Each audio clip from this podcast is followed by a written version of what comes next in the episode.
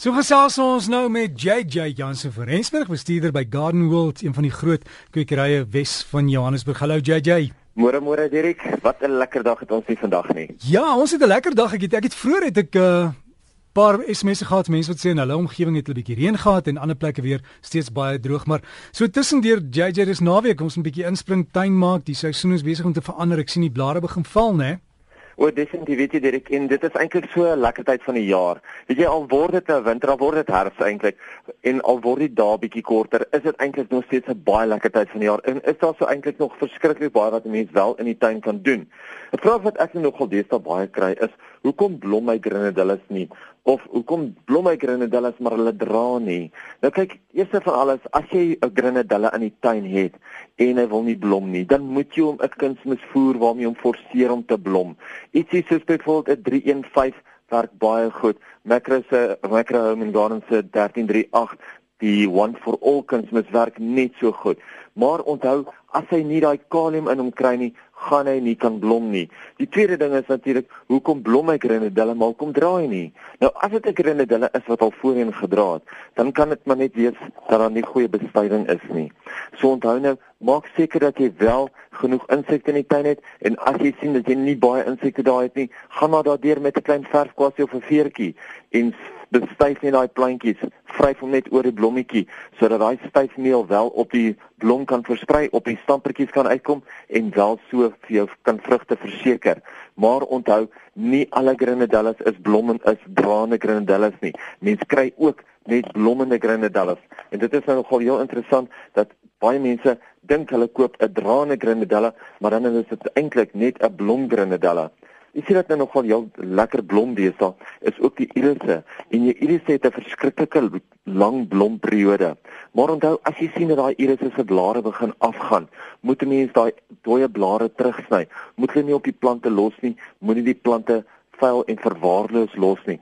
Sny hulle eerder terug sodat die plante lekker sterk kan teruggroei. Onthou, jou irisse kan vir nog baie lank blom. Soos ek nou af in die Kaap was, is dit eintlik heel interessant en heel duidelik dat ons sal moet begin meer en meer aanpas by die natuur. Weet jy, die sterkste krag in die wêreld is definitief die natuur. En as ons nie gaan saamwerk met die natuur nie, gaan ons definitief tweede kom.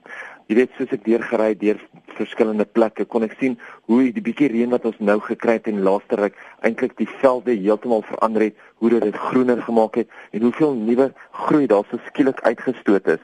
En jy kan sien wat die natuur ook doen aan baie van ons boere, dat die ouens wat wel kon water gee, wat wel besproeiing het op landerye, staan die mielies en die sonneblomme sommer geil. Hulle staan hoër as kophoogte. Maar in ander areas waar hulle dit nie kon doen nie, dan maar skaars net heuphoogte. En ons moet self kyk na ons eie tuine. Kyk waar kan ons begin water spaar? Wat kan ons doen om die regte tipe plante in ons tuine te plant wat wel met hierdie minder water en meer hitte kan saamlewe? Onthou hulle sê dat ons winter alhoewel die El Niño nou amper verby is, gaan ons winter wel 'n bietjie warmer wees. Hulle verwag om tussen 1.5 en 2 grade warmer. Nou klink dit nie so verskriklik baie nie, maar oor die algemeen was Johannesburg oh, en was Suid-Afrika maar net vir die maand van Januarie skaars 1 grade warmer gewees. So jy kan nou dink met al hierdie hittegolwe wat ons gehad het, wat hierdie 1.5 tot 2 grade gaan doen vir ons vir die wintermaande.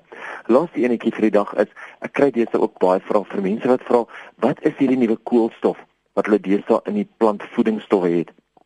Ek weet baie van jou plantvoedingsstowwe het hier daai ekstra C aan die agterkant. Dis byvoorbeeld 'n 315 plus 'n C en dit is koolstof wat hulle bysit. En onthou jou koolstof is 'n baie baie belangrike voedingselement in die grond. Hy kondisioneer eintlik jou grond en daardeur maak hy dat jou plante baie meer kunsmis opneem, dit baie beter opneem, maar op die einde van die dag gee vir jou 'n sterker plant, baie beter vrugte, 'n baie beter smaak, 'n baie beter kleur en ook baie beter kleur as dit kom by jou blomme. So as jy net weer gaan kunsmis koop op bemesting sou wil koop, kyk ook bietjie uit vir daai kunsmis wat nou wel die C, die ekstra koolstof bevat. JJ mens wat jy wil kontak? Mens wat my wil kontak is welkom om vir my e-pos te stuur na jj@gardenworld. Dis jy by gardenworld.co.za. So gesels JJ Jansen van Rensburg van Gardenwold, dis hier hier by gardenwold.co.za. Gesprek sal ook as 'n potgooi beskikbaar wees op RSG se webtuiste hier teen Maandag. Lekker tuin maak en kom ons hou dit groen.